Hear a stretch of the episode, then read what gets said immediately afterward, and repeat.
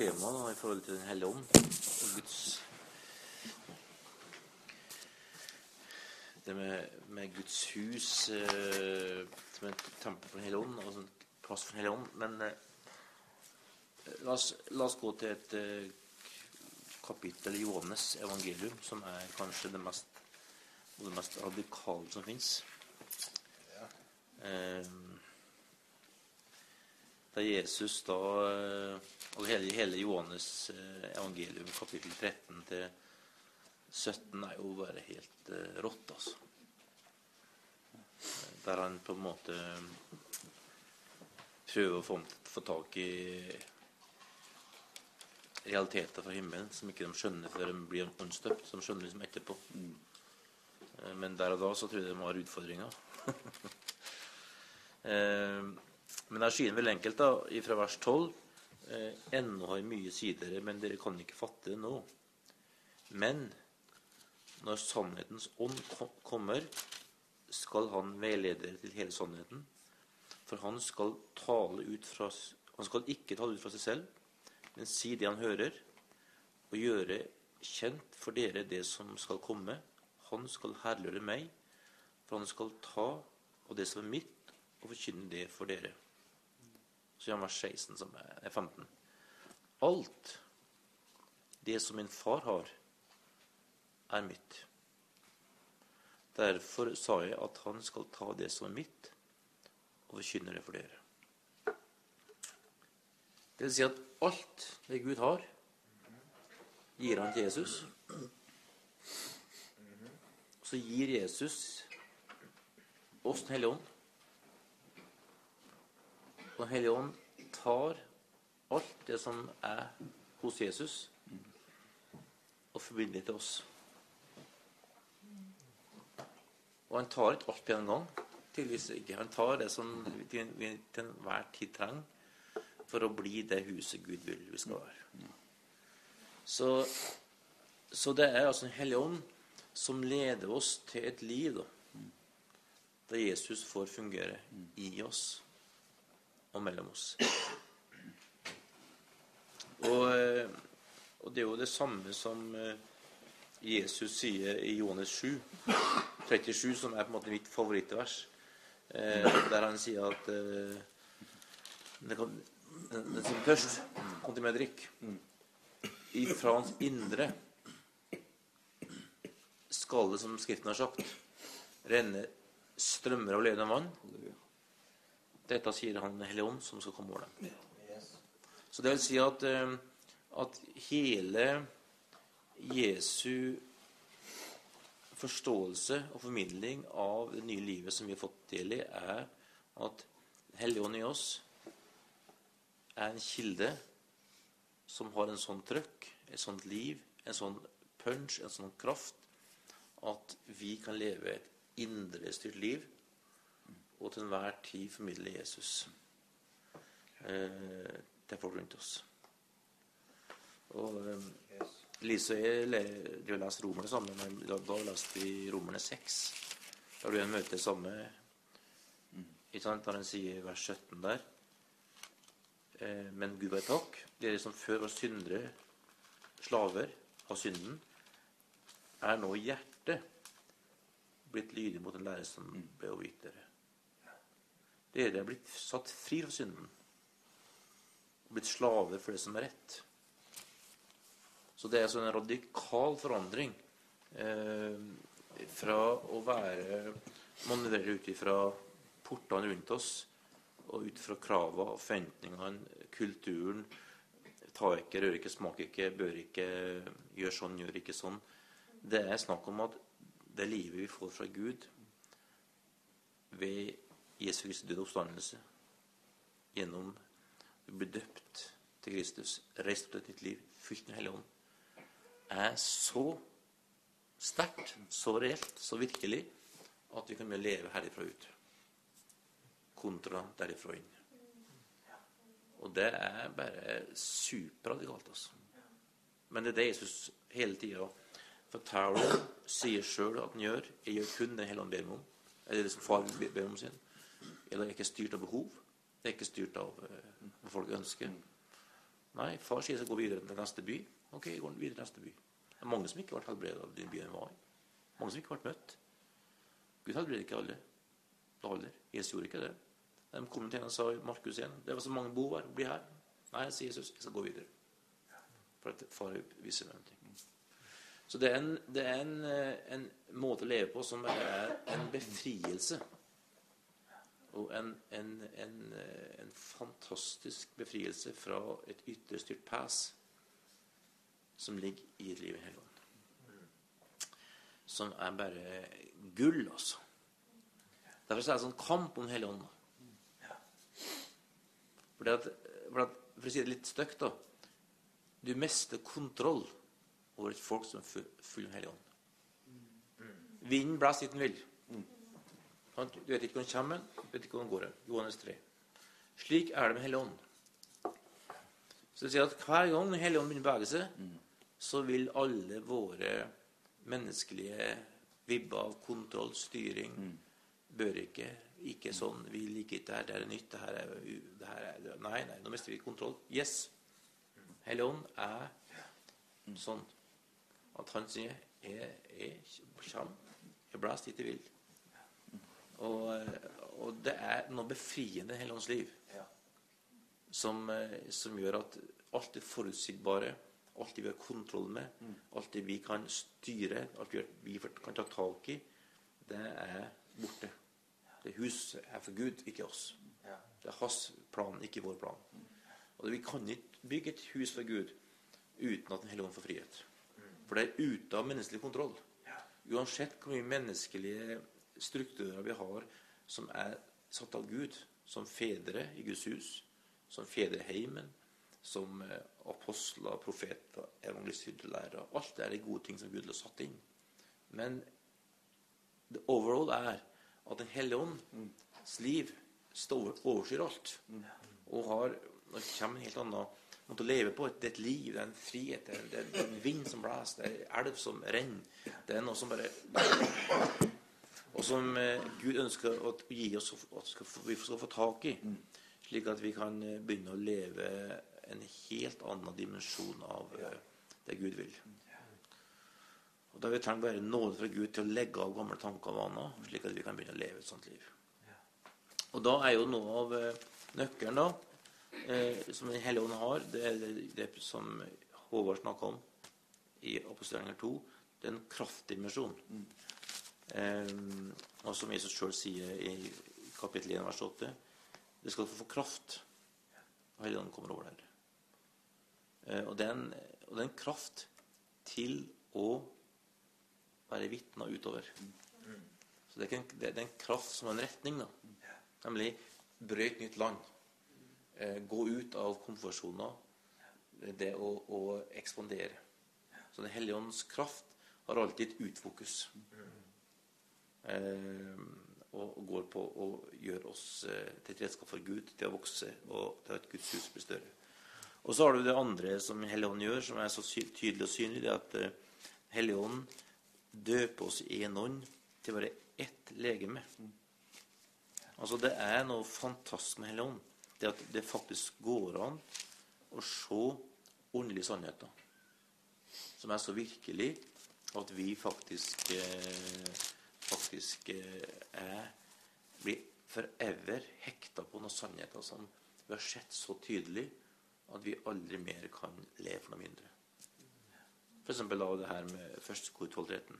For med én ånd ble vi alle døpt til å være én kropp, enten vi er jøder eller grekere slave eller frie, og alle fikk vi én ånd å drikke. Det vil si at Når Hellige Ånd kommer over oss, så skjønner vi at vi er kalt til å være i én kropp.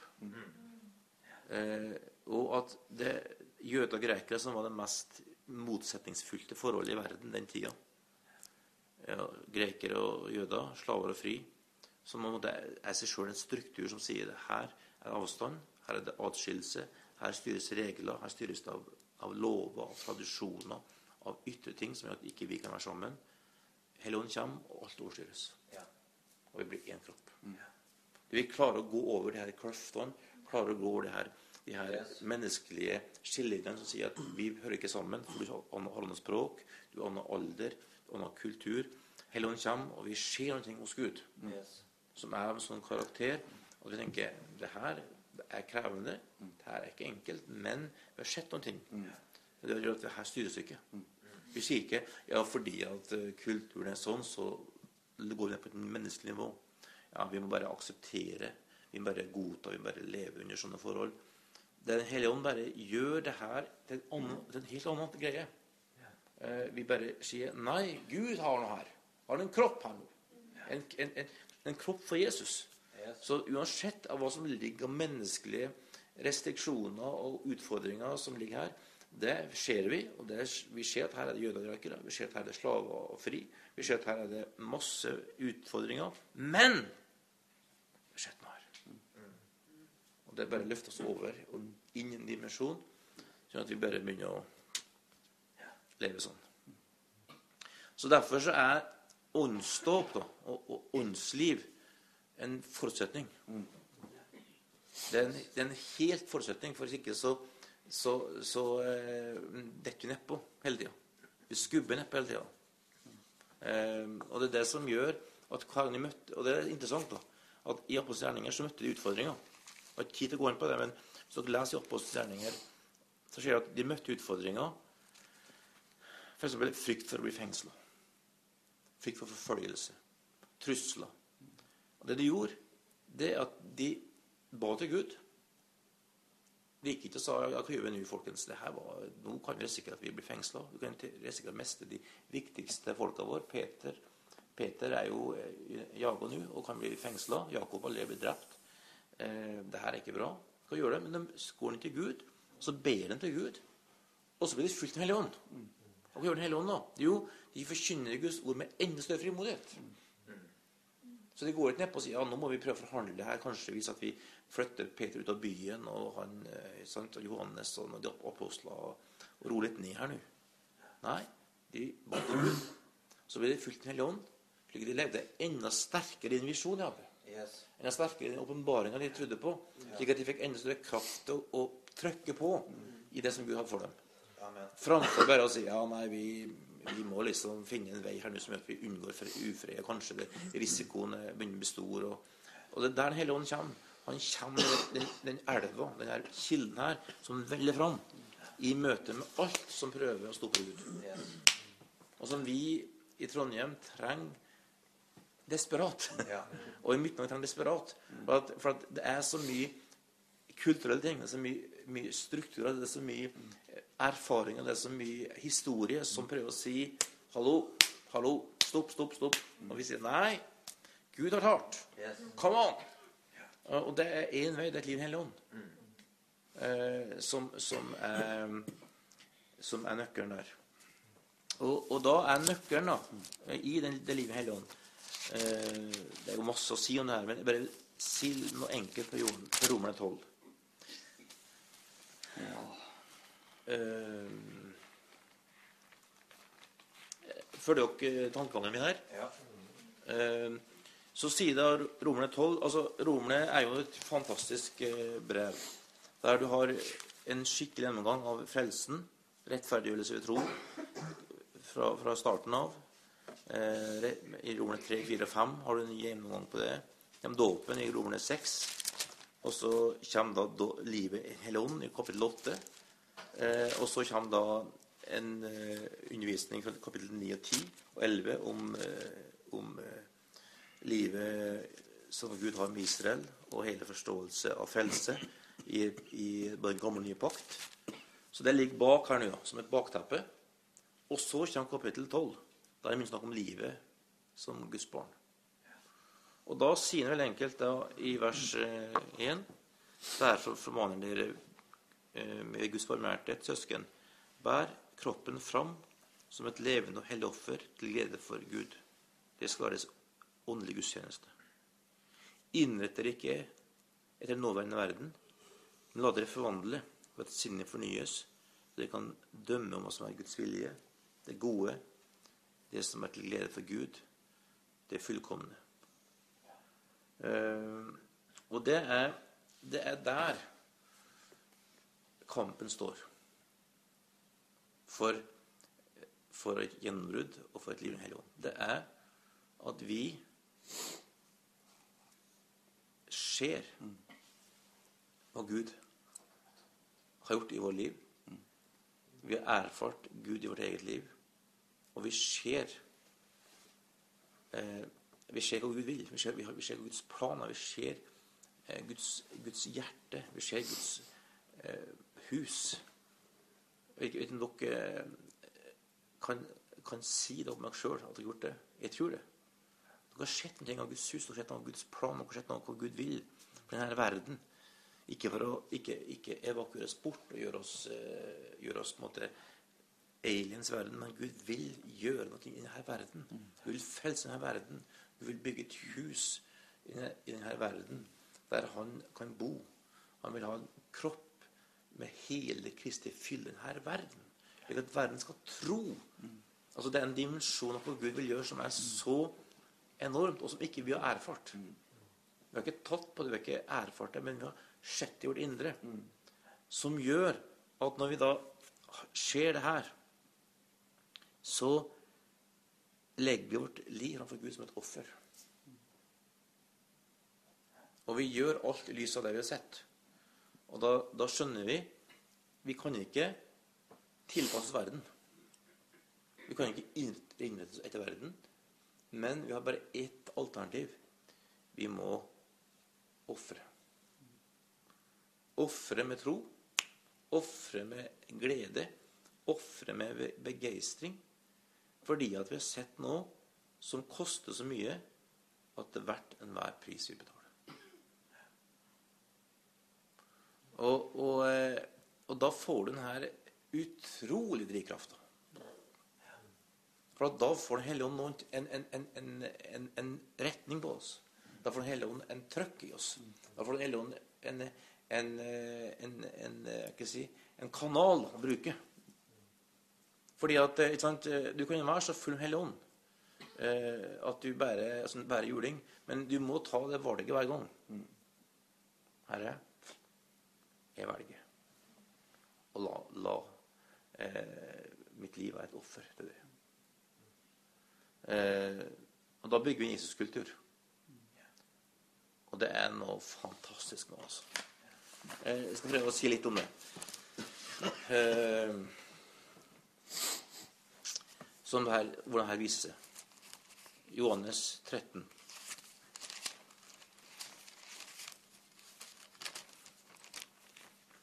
Det er en veldig enkel historie om hvordan Jesus vasker disiplene sine føtter. Og han sier det der allerede sjøl at eh, Det var like før påskehøytiden i kapittel, 1, kapittel 13, vers 1. Og Jesus visste at hans time var kommet, og han skulle gå bort fra denne verden sitt far. Han hadde elsket dem som var i verden, og han elsket dem helt til det siste. Og så står det i vers 3 Jesus visste at, han, at far hadde gitt alt i hans hånd, at han var utgått fra Gud og gikk til Gud. Altså, Her har du en, her er Jesus som vet godt hvem han er. Han vet så godt hvem han er. Han er så trygg i hvem han er, hvem som har sendt ham, at han er sendt av Gud far sjøl, hvem han sjøl er, hva slags oppdrag han har at det koster en ingenting å være en tjener når det trengs. Fordi han blir ikke rokka av sin sjøltillit, blir ikke rokka av sin posisjon, blir ikke rokka noe som helst. Han kan tjene han. Fordi han vet jeg kommer fra far. Jeg skal tilbake til far. Og jeg er Guds sønn. Jeg har, jeg har ingen sjøltillit i et posisjon i, i min uh, respekt for andre sider om meg hvilke klær jeg har på meg, hvilken stilling jeg har. Min Min sjølrespekt er i Gud, far sjøl. Det vil si, her trengs det litt fotvask. Har jeg ingen tjenere? Det er en selvfølge at de vasker føtter. Så, så den radikale tjenerskinnet er, en, noe som Jesus demonstrerer her. Et åndsfylt liv. Det vil si, vi tjener fordi at vi er åndsfylt. Og vi har, og vi har eh, ingen eh, å forsvare, eller vi var ikke noen annen enn å være Jesu tjener. Som Jesus selv var. Og, og, og det er sterkt når han sier her på slutten eh, i vers 13 Dere kaller meg mester og herre, og dere gjør det med rette, for jeg er det. Altså Han driver ikke og sier nei, jeg er bare en, sant, jeg er en tusseland. Nei, han sier jeg er mest herre. Og, eh, og, så går han videre og sier at eh, nå vet dere det, vers 17. Og saligere er dere, så sant dere også gjør det. Så en, en åndsfylt, et åndsfylt liv da, er et liv der vi er radikale i å tjene. Det vil si at vi legger vårt liv framfor et offer. Og hver gang vi tenker Det er ikke min jobb. Det er ikke mitt ansvar. Det er ikke jeg som har fått ansvaret delegert. Det er ikke jeg som bør gjøre det her. Og jeg er faktisk så gammel, og jeg er en mann, og jeg er pappa, og jeg er til og med bestefar. Hallo! Litt privilegier i livet kan man få ha etter så mange år. Så kan man da velge å ta den rollen, eller skal man si én tjener. Yes. Og så gjør man det, og så merker man bare at da, da forløses livet. Da flyter livet. Da flyter denne kilden her ut. Fordi at det er da Jesus vi bringer livet vårt fram som offer. Og Jesus får brukt, brukt kroppen sin til å demonstrere hvem han er. Så flyter det. Det er en, en sånn erfaring. Så kan du gjøre det der, så tenker du mm, Halleluja. Det, det er eh, jeg, Tenk på, på fredagen da jeg skulle til Molde, så var det jo flere som skulle være med. Og så skjer alltid utfordringer med sykdom og med det og bla, bla. Så sto der, og så var det ingen som skulle fære. Tenkte jeg. Egentlig så Egentlig så hadde det jo egentlig vært mye borte, og jeg kunne jo egentlig avlyst. og det er jo egentlig bra ikke alene og liker ikke å være alene på sånne turer. Og argumentert fram, og tilbake med meg sjøl sånn hele tida. jeg egentlig hmm. Så kommer spørsmålet Gud, hva er ditt hjerte? Hva er du vil? Hva er ditt kall? Hva er du ønsker? Så begynner du å tilby Gud, begynner du å be til Gud på morgenen der. Så bare tenker du Gud elsker Molde. Amen. Gud har en plan for Molde. Og tenker, ja, men Det lille du kan gjøre på fredag til lørdag sant? Kanskje det kommer like få der som kommer hit. Kanskje det kommer tre stykker dit òg. Så går du her og føler at du tenker Nei, jeg ofrer. Og så dro du, drar du av gårde, og så blir det, tenker du ikke på Å, jeg er så glad jeg dro. Jeg er så glad jeg ikke lot deg liksom ja, Jeg er så glad jeg for. Altså. For at du kjenner bare at du får, du får gitt noen ting, og så får du snakke om folk, og tenker du hva det, det her betyr i store sammenheng for Molde, jeg vet ikke. Jeg vet bare at du fikk lagt ditt liv ned for å ofre det for Jesus, og han fikk brukt det. Eh, men det var det der. Hele tida. Så det, det, der er en, et område. Eh, det andre området eh, er den her radikale tilbedelsen. Eh, der, der Jesus sjøl sier Johannes 4, 34, 34-35 Herren søker tilbedere som tilber i ånd og sannhet. Og, og tilbedelse er mer enn å takke Gud. Det er en del av det. Men det er denne radikale livet av mennesker som sier med alt de er og har og gjør Herre, du er størst. Du er viktigst. Du er den første. Du er den fremste. Du er den jeg lever for. Du er den jeg, jeg, jeg, har som fokus. Du er den fantastiske Gud som har skapt alle ting. Med frelse og, og forsoning og tilgivelse. Freden fra døden inn mitt evige evig liv. Herre, du er bare Å, oh, Gud! Som da er eh, alt ifra det å sjøl leve i det der livet i, i vårt personlige med takk, lovprisning, takknemlighet, eh, som bare er en eh, fantastisk greie. Å skjønne nøkkelen i å takke Gud framfor å se på våre, våre utfordringer.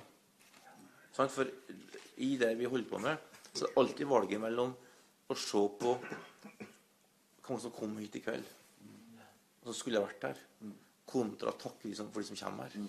Og være takknemlig for at folk faktisk setter av en søndagskveld der sammen. Det er alltid valget der mellom å se på det halvfulle, halvtomme.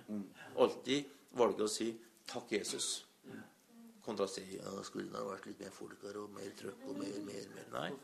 Det er en, det er en, det er en måte å tenke på som går på at du kommer herifra. Og som går på forholdet til tid, forholdet til penger, forholdet til, til, til, hele måten vi lever på. Der vi lever et liv der vi, vi, vi faktisk eh, demonstrerer Vi tilber Gud, vi. Ja. Og vi tilber Gud med alt det vi er, alt det vi har, med hva vi sier, hvordan vi prioriterer tida vår, i forhold til hvordan vi bruker pengene våre, i forhold til relasjonene våre. Vi lever et tilbedelsesliv. Og, og, og, og Den hellige ånd da, er der at han, han bare gir oss de her små tinga. Som bare er, sant, er bare så, så enkelt, altså. Eh, jeg var jeg var på, eh, til Kristiansand her. Og, og bare opplevde det var en sånn leksjon for meg. Der jeg satt der på det flyet jeg nevnte på denne vitnes her forrige søndag. Men det er bare for meg et sånt leveeksempel på hvor lett det er å gå inn grøfta. Der er sant, du, du, du kommer da uh, skal til Kristiansand i helg, og du var passe uh, motivert for å dra. Men så kjente du bare nei, du skal dra, og så drar du. Og så kommer du til Oslo, og så er, går du under flyet, og så er flyet teknisk feil, og står du der en time og venter på at flyet skal gå ta av. Og du blir mer og mer tørst og mer og mer sulten og mer og mer ditt og datt, og alle rundt deg er likeens. Eh, men så tenker du bare Terje, nå må du også fokusere. Og så begynner du bare og og så begynner du å takke Gud og tilby Gud. Og inni bare sitter der og kjenner på at Gud møter deg der du sitter. Så må du ut av flyet. Og så står de og venter, da, og så får du et nytt fly. Og så eh, er vi sist, skal vi tilbake da, i et nytt fly som er annerledes enn det første, slik at faste seteplasseringer er oppheva, så vi må bare finne oss et ledig sete. Så tenker jeg at nå må jeg bare, bare sette, stå her ute og vente til de aller fleste har gått inn, slik at de kan komme inn der og, og bli frustrert og nå heller være og tilbe Gud. Så kommer jeg inn, da, og så er det en, et sete i midten da, mellom en svær gutt og en svær mann nest bakerst. Og så tenker jeg jeg må bare dumpe opp i setet. Og det gjør det jo. Og sett sånn, da. Og føler at det er en veldig god start. Og jeg har i tillegg fått ringt og avbestilt skyssen fordi jeg kom for seint. Rakk ikke første møte før jeg kom til før ti om kvelden, så jeg måtte få andre til å ta den forkynnelsen. Og så til forne med en leiebil, og så organisere alt det der. Og så tenker jeg ja, det var en god start på helga. Og så, og så setter en gutt der, da, som jeg, jeg begynner å spørre hvordan han skal til Kristiansand. Han skal vel treffe far sin, som ikke har truffet på fire og en halv måned. Og som da sier sier du bor hos mammaen din, du, da? Nei, mamma død. Død av kreft for to år siden. Jeg bor hos tanta mi. Å ja, så tenker jeg. Herlighet, altså. For en gutt. Og så begynner du å dele med han gutten der. Det er at Jesus elsker. Gud har skapt ham. Gud har en plan for livet hans. Gud, Gud, eh, det er ikke tilfeldig begynner å snakke om, han begynner å dele om at han syns data, og at han har lyst til å gjøre noe stort i verden med dataprogram, men egentlig har dårlige odds. Og sier, vet du, Gud har skapt med hensikt. Gud har en plan for livet. Aldri glem det. Uansett hva du møter i livet. Gud har en plan for livet. Og Gud skal la deg få lykkes i livet. Så, så, og så begynte vi å snakke om skole og hvilke fag han tar. Og, og så får du bare oppleve bare at Gud gir en mulighet til å bety forskjell. For de 16-åringen der, som har en pappa som han da ikke får bo hos fordi at det er ting der. Du vet, møter, så ser du når han kommer på flyplassen. da, uh, møter der, tenker du hm, Jeg skjønner hvorfor han ikke får bo hos far sin. Dømt på ytre ting. Uh, og så tenker du Gud elsker han gutten her så mye at han stoppa det flyet. Omboka hele flyet for at jeg skulle få snakke med ham. Og jeg takker min Gud for at jeg var våken nok til å gjøre det. Framfor å sitte der og tenke Åh, tenk altså. Gud, jeg har sett det. Jeg skulle, ha, sant? Og være så opptatt av meg sjøl, opptatt av min egen liv, min egen tid, min meg, meg, meg, meg, at du bare går glipp av muligheten. Og tenk på alle gangene du gjorde det. da. For det er ikke hver gang jeg er sånn. De gangene jeg da, er opptatt av, eh, av eh, hva jeg skal forkynne, og jeg må forberede meg, og hva jeg skal si, og slappe av og sove litt, og, og lese noe spennende i boka eller i avisa, og gå glipp av samtalen der.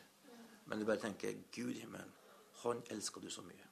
At kanskje den samtalen pluss alle andre han møter, berger han Det var bli Guds rike gutt. Evig. Og det, det, der er å ofre. Det der offeret der, der du tar det valget ut, og så bare merker du Å, Herren er der. Så når du kommer da, ut av flyplassen og får sagt tale til ham, tenker du Herre, jeg kunne vært forsinka i mange timer. Jeg kunne gjort hva som helst. Samtale her vært hele helga. Jeg har fått peke med de andre. Det har skjedd gode ting i helga. Men tenker, den samtalen der tenker bare Å, herre, det var verdt hele turen. Jeg, jeg bare merker at Gud gjør noe. Men det var, der, det, var det lille offeret som du måtte ut på. Og så kom hele hånda og så styrte samtalen. Det var jo 30 minutter vi hadde. Men det var bare Å, det var Gud, altså. Du merker. Her inne er fred. Du blir så glad.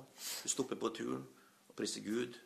Og så sjekker du at eh, Rosenborg vant kampen mot Haugesund, og du blir enda mer happy. Og så tenker du Halleluja, altså. Men så enkelt. Så menneskelig er det. Det er det der små tinga der. Som er bare Guds eh, Som er så Guds eh, måte å gjøre det på. Som er, er den her fantastiske måten å leve i hele ånden på. da. Der du på en måte tar det valget ut. da. Der du kjenner Det legger seg aldri til rette. Det passer aldri. Altså, eh, hvis det ordner seg Det ordner seg aldri. Det legger seg aldri til rette. Det passer aldri. Det er én ting å gjøre. Det sier vi må, vi må ta Vi må ofre. Og så i offeret så bare kommer hele Ånd. Eh, og det går ikke an å bygge en menighet, ikke an å pionere ting med folk som har gjort seg avhengig av ytre bekreftelse. Ja, hvis det ordner seg så. Hvis det passer sånn, så. Hvis at det legger seg til rette. Du vet bare én ting. De folka der vil bli med når alle andre går foran og brøyter veien.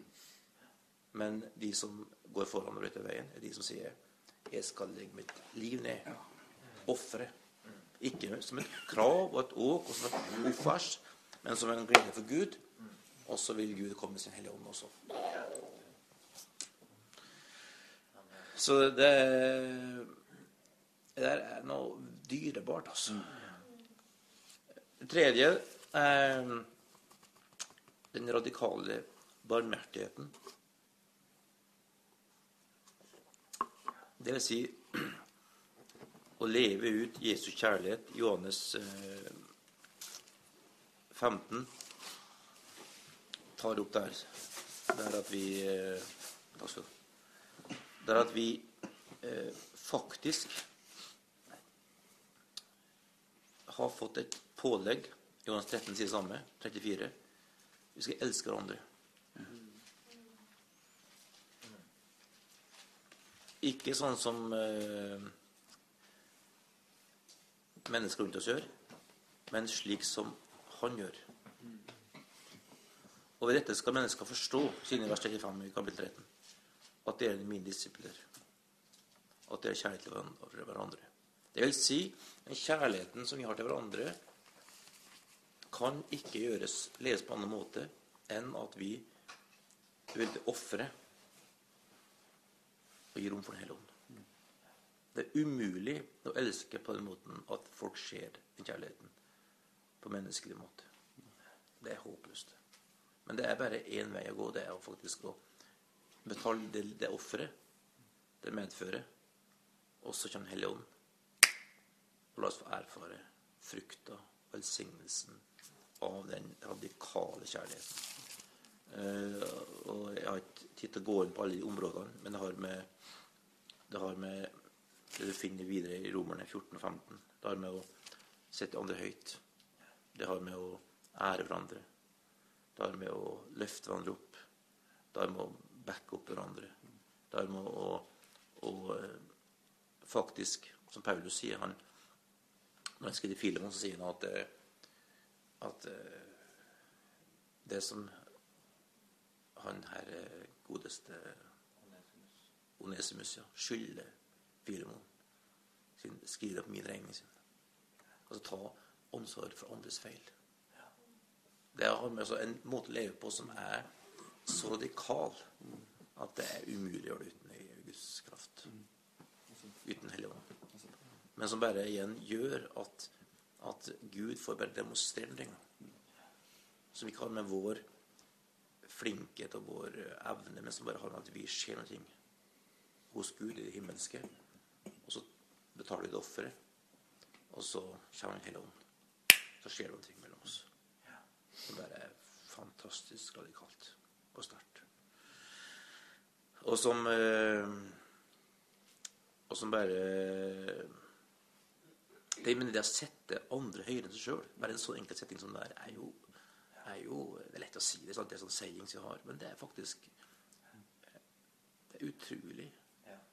Jeg husker, jeg husker jo i eh, gamle dager når jeg hadde besøk av en del for, sånne forkynnere og ledere. Så bodde vi i Nord-Norge. og Alle bodde hos oss og overnatta hos oss. og Fikk mye tid til å prate, og vi snakka mye. mye. så Opplevde etterpå at mange tok de poengene jeg hadde, og brukte prekene sine. Gjorde det til sine egne. Så, så opplevde Gud satt under. Terje, for du står nå Ble du, ble du, ble du Skjedde noe med det? Tålte du ikke det der? Hallo. Hvem er du, tror du du er? Sånn enkel ting. Takk, Herre. Takk, Herre. Mm! Jeg, bor jo langt mot nord. Jeg glemt av alle. Jeg er langt unna. Det kommer bare til meg og suger ut av meg og drar tilbake i sør, i, i nær, nærheten av alt det foregår, og alle navn og alt skjer, og så Ja. Tåler du ikke det? Ok. Ja, men det er ikke rettferdig. Nei, det er ikke rettferdig. Ja, men Ofrer du, eller er du opptatt av deg sjøl? Sant? Det, er, det er så mange områder der skjer. Men det er bare snakk om at Gud får bruke oss. Og hele poenget er at, at Guds Hellige Ånd er over hver enkelt av oss. Som gjør at, at uh, det her er det valget hver enkelt av oss gjør. Uh, som er, skaper summen av en kropp. Og det er derfor at en kropp kan reise seg fort når hver enkelt begynner å leve et liv i Hellig Ånd. Og en kropp kan veldig fort bli veldig stiv og støl og gammel på kort tid. Når summen er jeg blir såra, jeg blir skuffa, jeg trenger meg tilbake, jeg syns synd på meg sjøl. Og så så, så det her kan fort skje. For det summen av hver enkelt. Det skjer ikke liksom her. Det skjer her, her, her, her. Og det er det som er så dynamisk da, i det her. Uh, fjerde punktet her, det er da uh, Guds kraft. Som er en viktig og, og, og del av det her, og Liv Helligånd. Der Helligånd bruker hver enkelt av oss for å demonstrere at vi kommer fra himmelen. Og der vi får lov til å, å formidle herifra et overnaturlig liv som er Guds kraft til frelse, Guds kraft til inngrep i folks liv. Demonstrere at Gud står over alle naturlover. Gud står over alle menneskelige begrensninger. Gud står over til og med naturen. Eh, Gud er konge. Og det å faktisk eh, begynne å legge sitt liv på offeret for at det skal skje, en, eh, en, kjempeviktig del av det her. Og som eh, også skaper det her eh, klimaet for, for at himmel og jord møtes i menigheten. Og som igjen går på at det har ingenting med hvordan vi, vi, har hatt det i dag, hvordan vi har lyktes i dag, hvordan ting er, hvordan ting ikke. Har å gjøre med at vi bare legger vårt liv ned som et offer, og så sier Herre, hva vil du? Og, og, eh, og da er det det her fantastiske skjer, at summen av oss da, og vår personlighet For at vi vil ut fra vår personlighet koble sterkere på ulike områder av livet her. Men summen av det her da vil bli en, en kropp da, som bare formidler et mangfold av tjenersinn, et mangfold av barmhjertighet og kjærlighet, et mangfold av, av kraft som eh, bare gjør at Gud eh, får demonstrert hva man er. Og som bare Åh! Oh, det er radikalt. Um, så, um, så sier han vers 3 her i kapittel 12 Ved Gud nåde jeg har fått, sier jeg til hver enkelt av dere, tenk ikke for store tanker om dere selv, men tenk sindig. Hver og en av oss skal holde seg til et mål av tro som Gud har gitt ham. Vi har én kropp, men mange lemmer, alle med ulike oppgaver. På samme måte er vi alle én kropp i Kristus, men hver for oss er vi hverandres lemmer. Så det vil si lev ut det målet av tro vi har. Så gir Gud oss et nytt mål av tro. Og gjør det i Guds nåde. Og da får vi oppleve det fantastiske at vi som Kristi lemmer, hver enkelt av oss, får se Kristi kropp i Trondheim reise seg og vi får se et eh, liv i Den hellige ånd som bare bare blomstrer. altså. Så det, og det vil med andre ord si da, at, eh, at nøkkelen ligger, da, ligger det her at hver enkelt av oss eh, finner vår måte å leve nært Jesus, full av Hellig Ånd på, gjennom måten vi leser Guds ord på, måten vi drikker av Hellig Ånd på, måten vi tilber Gud på ber for hverandre på, blir lagt hendene på. Eh, altså, finn å bli hungrig og tørst etter å leve i Den hellige ånd. Og, og, ikke gjøre det enspora, men, men eh, For det er det hver enkelt av oss gjør, som avgjør. Og summen av det som skaper det her livet, det mangfoldet, det her flyten, det her, det her uh, trøkket. Og der uh, der er det ulike ting vi, vi kan funke i, som, men nøkkelen er at vi bare kobler oss på. Og, og vi lekker så mye at vi må bare passe på å være stadig fylt.